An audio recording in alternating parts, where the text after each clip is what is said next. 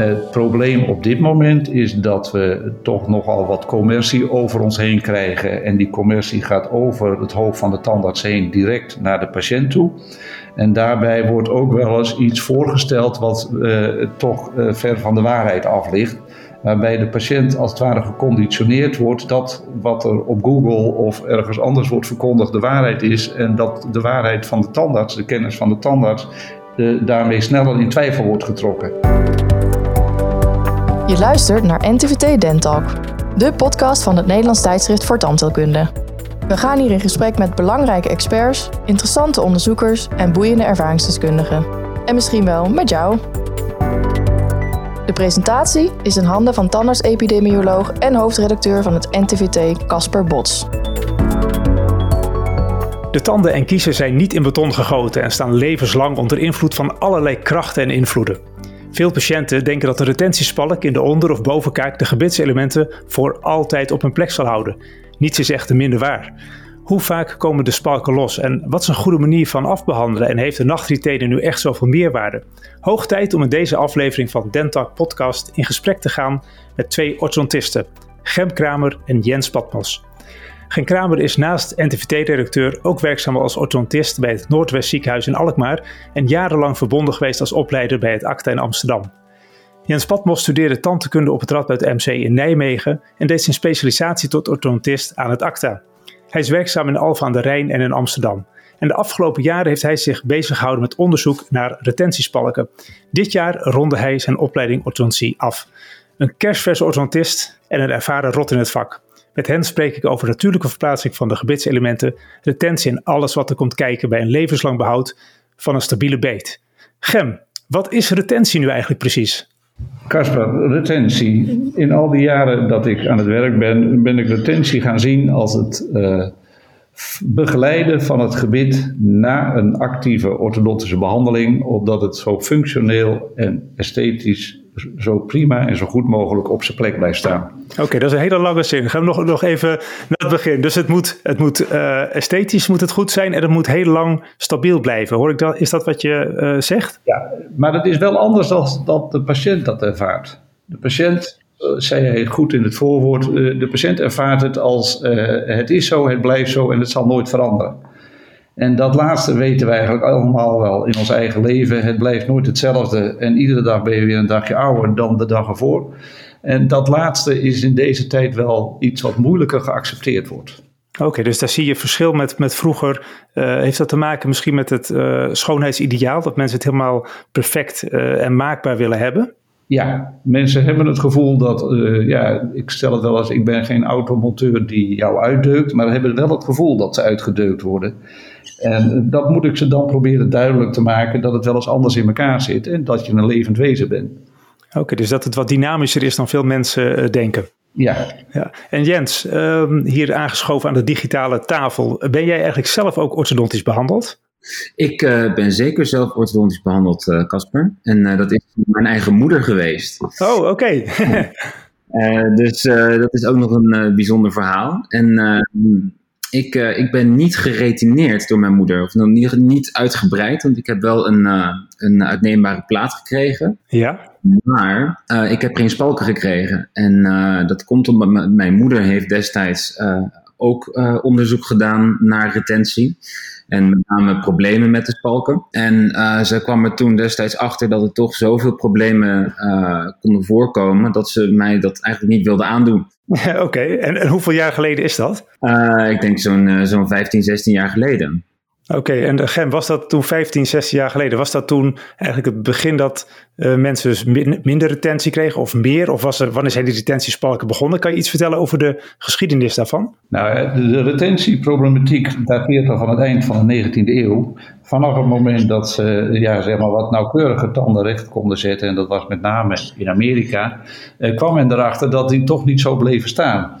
En er zijn uh, heel wat beroemde orthodontisten in dat vak geweest in die tijd. Toen die stelden dat ze zelfs de helft van hun fee ter beschikking wilden stellen uh, voor iedereen die hun retentieproblematiek overnam. Oké, okay, zo'n groot probleem was er dus altijd al? Nou, groot niet, maar het was wel een vervelend probleem. Want een orthodontische behandeling was natuurlijk niet goedkoop. Ook in die tijd niet. En als het dan weer scheef ging staan, dan werden die mensen niet blijer van. Ja. En met het ontwikkelen van de plak-X-techniek, zeg maar in de jaren 70, uh, pikte de orthodontie dat eigenlijk heel snel op met uh, brackets die geplakt werden in plaats van full-band behandelingen. En toen is men eigenlijk ook vrij snel met spalken begonnen. Oké, dat is natuurlijk inderdaad logisch tijdens de opkomst van de adhesieve technieken. Maar hoe deed ze dan voor die tijd? Voor die tijd uh, maakten de tandartsen ook gebruik van moderne technieken. Je moet voorstellen dat uh, de eerste beugels waren full band. Dat is dus echt volledig in de bandjes. En uh, als de beugel eruit ging, zaten tussen al die tanden dus gemiddeld een halve tot 1 mm ruimte. Dus dat moest er op zijn plek komen. En vanaf het moment dat men rubber kon vulkaniseren, is men dus ook een bepaald soort positioner gaan maken. Een bepaald soort ja, mal. Waarbij ze het laatste stukje van de behandeling en ook een groot deel van de retentie middels die mal deden. En dat is een positioner die eruit ziet als een soort boksbeugel, die de tanden op de plek hield. En die werd dan van gevulkaniseerd rubber gemaakt. Oké, dus je ziet eigenlijk allerlei technieken die gewoon die de, op de technische kant aan het ontwikkelen zijn, zie je weer terugkomen in de uh, ontwikkeling van uh, de orthodontische behandeling. En die vallen dan allemaal op hun plek op een gegeven moment. Ja, de zoektocht naar de ideale retentie en wat ik net al zei, naar het, het, het vast blijven staan van de tanden, het stil blijven staan van de tanden op hun plek, die was er al vanaf het moment dat de tanden zijn gaan verplaatsen.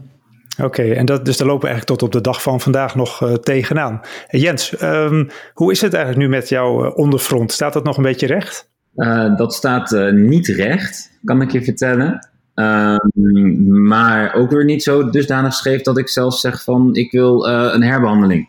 Maar het blijkt toch zeker uit de laatste jaren um, dat we een stuk meer herbehandelingen ook zien van volwassenen die eerder orthodontisch zijn behandeld en nu 20 of 30 jaar later terugkomen met de vraag of ze toch niet de crowding in het onderfront, soms het bovenfront ook opgelost willen hebben.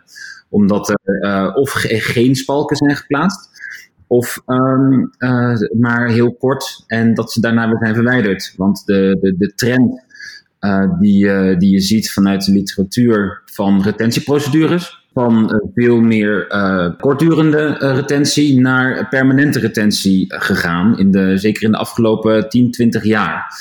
En de, dat komt omdat de realisering steeds meer is gekomen dat het, het, de tanden en kiezen blijven bewegen.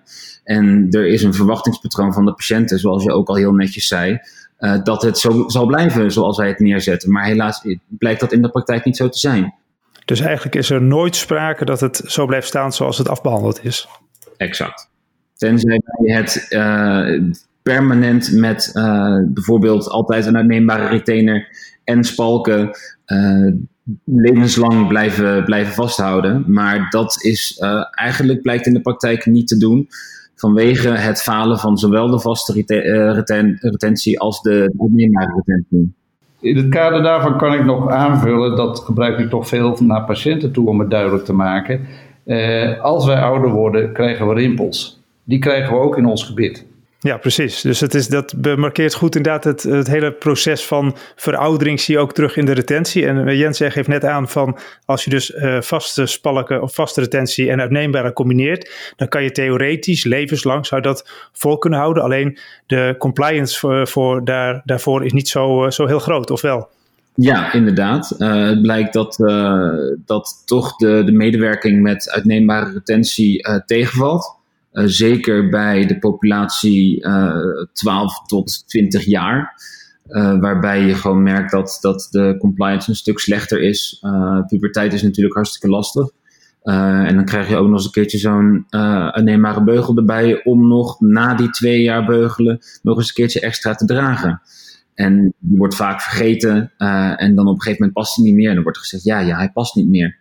En dan denken wij van, nou ja, oké, als die uitgelaten wordt, kan het zo zijn uh, dat het uh, de stabiliteit uh, ten nadele brengt. Maar mocht er een, een beetje een nette occlusie zijn en geen sprake zijn van extreme parafuncties, zoals tongpersgewoontes of andere zaken, of een extreme disbalans in, in de spierkracht, dan is de kans heel groot dat het hoegenaamd stabiel blijft. Alleen dan kun je geen garantie meer geven aan de patiënt. En wat adviseer je ons dan zeg maar als behandelend tandarts om te doen? Om, moeten we zo'n patiënt gewoon gaan vervolgen, af en toe een gebitsafdruk maken of een scan? Ehm, als hij aangeeft dat zo'n uh, niet meer gedragen wordt. of moeten we zeggen, nou ja, als je je niet meer draagt, moet je terug naar de orthodontist. Hoe kunnen we daar het beste mee omgaan? Nou, ik denk dat we daar een beetje worden uh, geholpen door de moderne media. Uh, tegenwoordig zijn de mondopnames die je met een, uh, een moderne telefoon kan maken eigenlijk best aardig. En die beginnen al steeds meer driedimensionaal te worden, dus dat gaat ook komen. En ik denk dat het vastleggen van de situatie, wat nu bij eigenlijk iedere orthodontische behandeling ook wel netjes gebeurt, zoals ik dat meemaak in Nederland, dat dat een uitgangspunt is om te kijken of het verandert. Ja. Sommige veranderingen kun je weliswaar uh, zien, maar die moet je op je hoofd krabben of je dat dan nog een keer uh, moet gaan herbehandelen, of dat je daarbij je zegeningen moet tellen.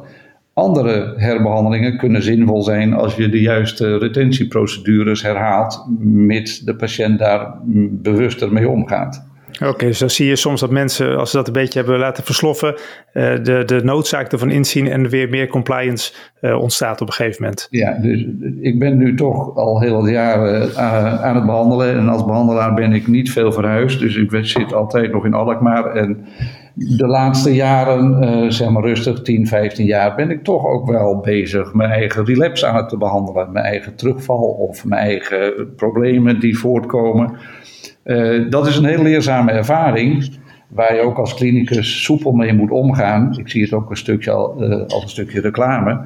Maar daarvan leer je wel dat sommige dingen uh, die je bedacht hebt niet altijd zo uitwerken als je had gehoopt.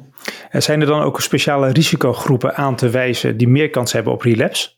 Ja, ik denk dat je daar wel over kan spreken. Dus de goede diagnostiek vooraf is dan echt belangrijk. Hè? Eigenlijk moet je de eerste belangrijke stap voor het bepalen van je retentie doe je eigenlijk al voordat je er een beugel in stopt. Tijdens de behandeling loop je tegen dingen aan waaruit je kan leren wat voor extra trucs je zou moeten toepassen. Dan is de grote moeilijkheid dat over te brengen aan de patiënt. En die patiënt moet het ook nog onthouden. Maar je kunt in bepaalde situaties, en dat zei Jens net ook al, zoals uh, tonggewoontes, afwijkende mondgewoontes. Maar vergis je ook niet parodontale situaties. Op het moment dat je een parodontale verslechtering hebt, kun je tandverplaatsingen of ongewenste tandverplaatsingen krijgen. Waar je, ja, waar je echt uh, op moet acteren en die je soms van tevoren ook kan zien. En zou je, ik zit even, er komt een patiënt bij mij in gedachten met een uh, hele sterke open beet. Die jongen is nu denk ik 14 of 15. Die heb ik een jaar of vijf, zes geleden al een keer naar de logopedist uh, gestuurd. En die is orthodontisch behandeld. En zijn ouders waren, en hij zelf ook, waren teleurgesteld dat ongeveer een jaar na de orthobehandeling die open beet weer terug was. Heeft er dan eigenlijk nog zin om ik zeg eigenlijk twee dingen. Heeft het zin om dan met iemand met zo'n sterke tonginterpositie te beginnen met behandelen? En um, ja, moet je dan iemand ook weer gaan herbehandelen als het uh, ontstaat? Of moet je dat dan maar voor lief nemen? Nou ja, één gezegde is natuurlijk nooit geschoten, is altijd mis.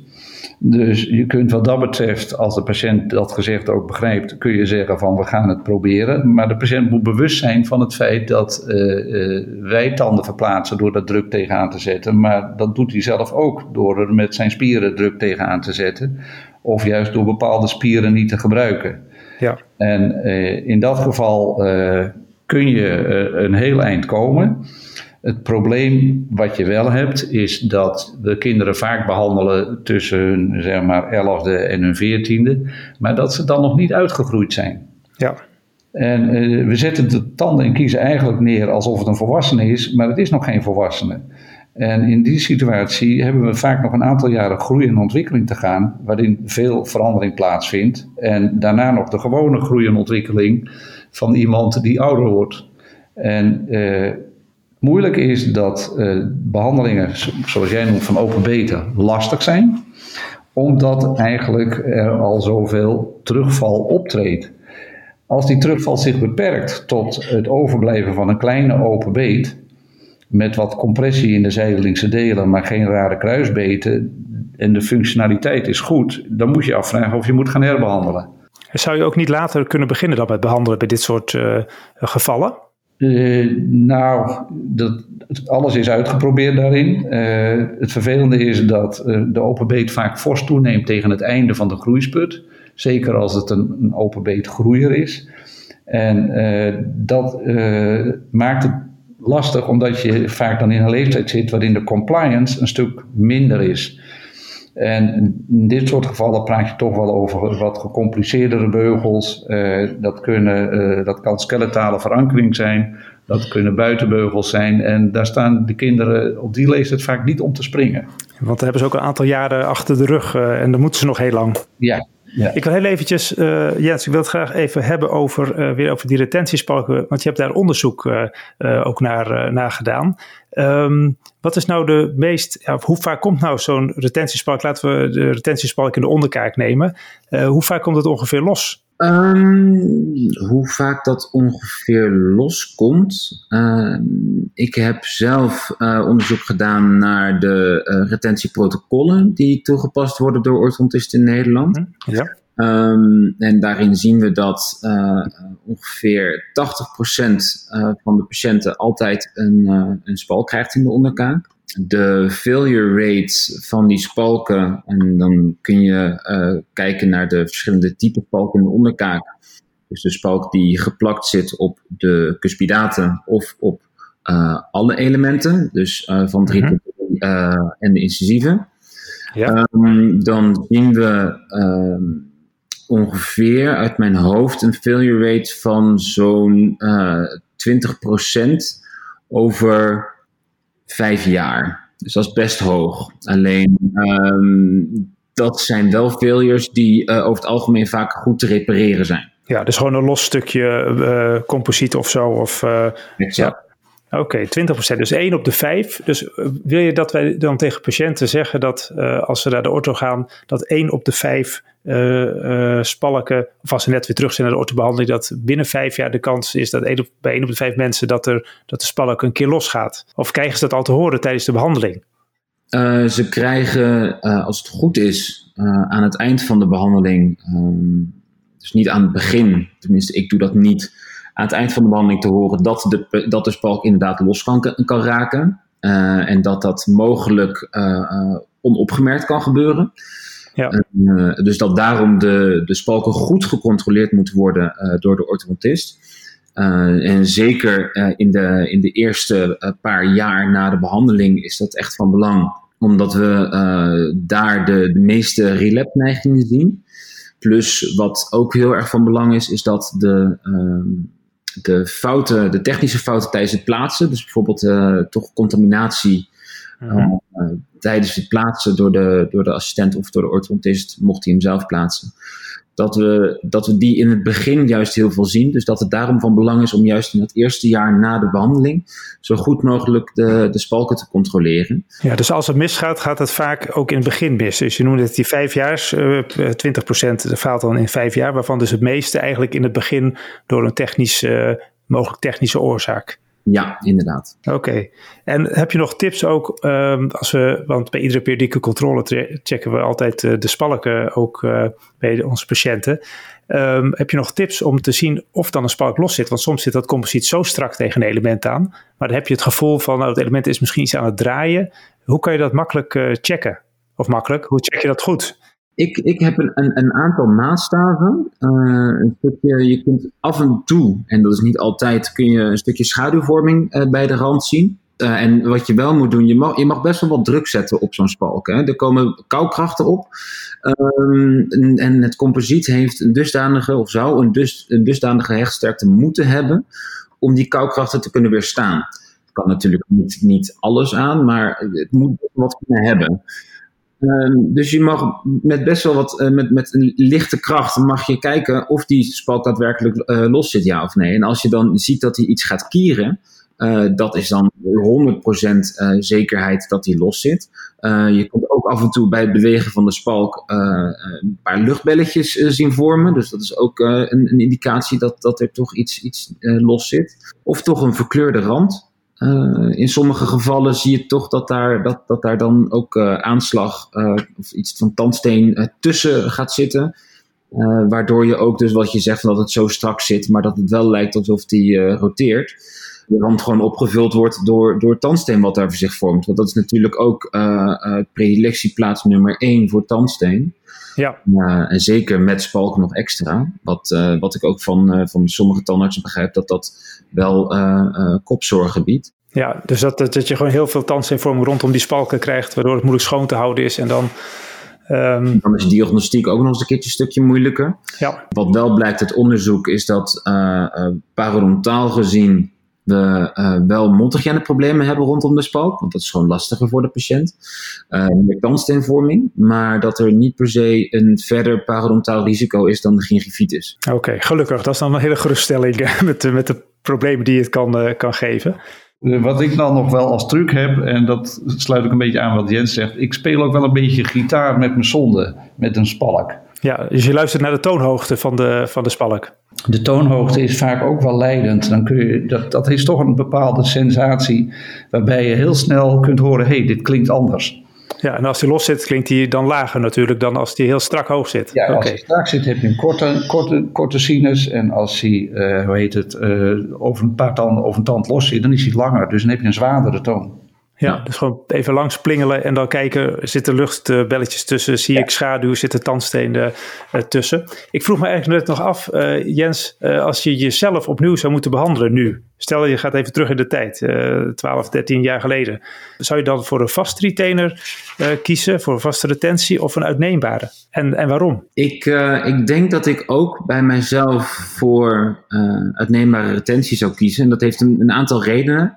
Ja. Mijn situatie, mijn gebedssituatie voor behandeling was niet dusdanig uh, ernstig dat je heel veel uh, relapse zou verwachten. Dus er zijn geen premolaren bij mij geëxtraheerd, wat, wat sowieso een, um, een voorbode is voor uh, relapse. Uh, ectostemhoektanden hoektanden in de bovenkaak zijn ook bijvoorbeeld een risicofactor. Dus al, al met al viel de situatie dusdanig mee dat ik, uh, als ik nu terugkijk, dan zou ik nog steeds voor, voor een aanneembare retainer kiezen, ja. Oké, en herken jij dat ook, eh, Gem, die, wat uh, Jens net zegt van de dus geretineerde hoektanden of het extraheren van premolaren, dat dat vaak tot meer relapse leidt? En wat is eigenlijk de definitie van relapse in dat verband? De relapse binnen de tandheelkunde wordt eigenlijk gezien als, een, als de optelsom of de aftreksom van uh, de normale ontwikkeling die het gebied weer oppikt nadat het gereguleerd is en zaken die uh, zeg maar door de retentieapparatuur uh, gedaan worden of juist door de afwezigheid van de retentieapparatuur. Oké. Sommige tandstanden zijn gewoon heel eigen. die hebben een heel eigen karakter, bedoel je? Of die zijn gewoon heel eigenwijs?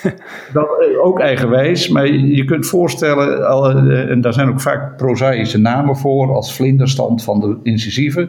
Daar kan iedereen zich wel bij voorstellen. En als je een familiefoto ziet, dan zie je de vlinderstand gewoon rond uh, vliegen. Ja. Dus en, uh, ja, die, die hou je natuurlijk recht, maar je weet van tevoren, die hou je alleen recht met een spalk. Als je dit ziet, weet je van tevoren dat dit aan me nooit niet recht blijft staan als je het recht gezet hebt. Ja. Speelt er eigenlijk ook de, de, de wortelvorm nog een rol? Want ik kan me voorstellen, de front zijn de wortels rond, maar als je een molaar hebt, die is natuurlijk veel lastiger te, te roteren. Maakt dat nog uit? Ja, bij een molaar maakt dat. Kijk, in de molaar-premolaar regio heb je occlusie. Occlusie is een enorm goede retentieapparaat. Voor zover je er geen tong tussen stopt, natuurlijk. En uh, dus daar maakt het minder uit. Jouw verhaal zou kunnen kloppen, maar het niet dat onderincisieve die plat zijn qua wortelvorm toch ook vaak hun rotaties terugpakken als je ze niet retineert. Of een andere rotatie laten zien. Dus uh, er is van alles uitgeprobeerd. Insnijden in tandvlees, uh, hoe heet het, laseren, de, de, de, tanden afslijpen. Maar als een tand eigenwijs is, blijft hij dat meestal wel.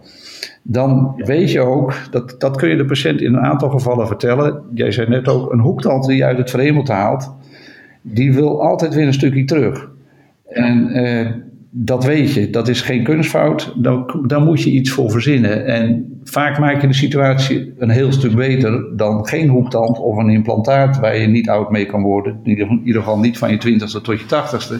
Je weet dat die hoektand weer aan de loop wil. En een forse compressie van de bovenkaak, die kun je breder maken. Maar als ik ze terugzie na tien jaar, nou, dan is het toch voor een aantal gevallen niet echt heel breed meer. En dan leer je gewoon dat er beperkingen zijn. En dat leer je natuurlijk door de jaren heen van de dingen die je weer hebt uh, gezien. daarin. Ook en de kennis die ook wel aanwezig is nu in de vakgebieden uh, over retentie. Het is alleen heel erg moeilijk om daar gestructureerd onderzoek naar te doen, omdat je dan iemand voor langere tijd moet vervolgen. En ga jij maar eens achter een puber van 14 aan zitten voor 10, 20 jaar. Ja, ja dat, is, soms lastig. En wat, wat is nou het grootste verschil? Uh, want je loopt al tientallen jaren mee, Gem, in dit, in dit vakgebied. Wat is nou het allergrootste verschil met zeg 30 jaar geleden qua retentie en nu? We zijn nu meer bang geworden. En bang waarvoor? Voor relapse. of voor de juridische consequenties van de relapse? Of? Nou, nee, nee, nee, Nederland is daar nog een heel fijn land in. Maar uh, als ik vergelijk hoeveel retentie ik toepaste uh, in de jaren 80 en 90, en dan, dan pas ik nu duidelijk meer retentie toe. Ja. Het grappige is dat ik toch nog wel heel wat patiënten terugzie die geen spalk in het bovenfront hebben, waar het gewoon nog prima staat. Dus uh, daarvan leer ik dat, ik toch, dat het toch nog heel moeilijk is om precies de patiënt eruit te pikken waarbij je welke maatregel moet doen. En uh, ja, doordat we in een maatschappij leven waar we wat kritischer zijn uh, voor wat betreft uiterlijk, gaan we gewoon meer retentiemaatregelen toepassen. Ja, en Jens, hoe kijk jij daar tegenaan voor de, voor de toekomst, uh, voor de komende tientallen jaren? Hoe, hoe, denk je, wat, hoe schat je dat in dat het zal gaan met retentie in je vakgebied? Ik denk dat, dat het belangrijk is. Ik weet, niet, ik weet niet per se hoe het zich gaat verschuiven. Uh, ik, denk, ik denk dat we uh, nog steeds in een heel esthetisch gefocuste samenleving zullen blijven. Zeker met, met, met nog meer social media. Waarvan ik overigens denk dat het ook op een gegeven moment uh, uh, zijn, uh, zijn stille dood gaat ervaren, gelukkig. Maar ik denk dat het het belangrijkste is, omdat we nog steeds zo, zo esthetisch gefocust zijn, om, om heel veel aan verwachtingsmanagement te doen bij de patiënten. dus proberen ook bij, al bij het begin van de behandeling, dus bij de binnenkomst, al goed uit te proberen te leggen waar de behandeling om draait. en zeker als je patiënten ziet, bijvoorbeeld met een open beet al uh, vanaf moment één zeggen. Wij kunnen wel proberen om dit uh, te, te behandelen. Uh, en we hebben, alleen we hebben gewoon geen garantie of het zo blijft. En ja. ook aan het einde van de behandeling goed uitleggen aan de patiënt, maar ook aan de tandarts. Dit is wat we hebben toegepast aan retentie. Um, en er zit een stukje uh, verantwoordelijkheid voor ons als orthodontisten om dat netjes bij te houden. Um, uh, een stukje uitleg aan de patiënt hoe zij dat moeten onderhouden. Uh, maar ook een stukje uh, communicatie naar de tandarts. Om ervoor te zorgen dat zij dat ook netjes kunnen onderhouden en kunnen controleren. Dus ja. ik denk dat we met z'n allen um, uh, een soort uh, drievoudige verantwoordelijkheid moeten dragen voor die uh, retentie. Om ervoor te zorgen dat die patiënten zo gelukkig mogelijk blijven met hun eindresultaat. Ja, en, en Gem, hoe kunnen wij dan als, als standaards in dat voortraject, voordat we de patiënt gaan doorsturen, kunnen wij nog een rol spelen bij het verwachtingsmanagement? Nou ja, we worden misschien enigszins geholpen door het mondkapjesbeleid van de overheid. dus Nee, maar uh, alle gekheid op een stokje. Ik denk dat uh, op dit moment de tandartsen dat in Nederland eigenlijk al vrij goed doen. Uh, de vraag blijft groot, maar ik denk dat de tandartsen ook goed kunnen aangeven dat we een heel eind komen, maar het niet 100% onder controle zullen krijgen. En dat zei men anderhalve eeuw geleden ook al. Ja, dus wat dat betreft is er niet dan heel veel nieuws. Het enige uh, is misschien wel, stel als wij een patiënt uh, zien waar het spalkje los zit, dat we niet zeggen van, oh, dat, is niet, dat is niet goed gedaan of zo. Of uh, omdat er gewoon je nooit precies weet waardoor een spalk loskomt. Dat, dat ben ik helemaal met je eens. Het is altijd makkelijk om snel te zeggen, oh, dat is niet goed gedaan. je weet nooit onder wat voor omstandigheden dingen gebeuren en wat de patiënt zelf nog voor hobby's heeft. Ja. Dus uh, in die zin uh, denk ik dat een tandarts heel goed in staat is om dat soort reparaties uit te vullen, voeren. Die zijn kunstenaars met kunsthars en komen daar zeker altijd uit. Belangrijk is dat ja, het gaat om de hele patiënt bij de algemeen practicus. En dan moet je de patiënt altijd weer een stukje opvoeden. Daar moeten we tijd voor hebben. En uh, dat moet ook nog komen van uh, degene die ook de controle doet, zoals de mondhygiënisten of de preventieassistenten. We moeten, wat Jens ook zegt, we moeten blijven communiceren met de patiënt.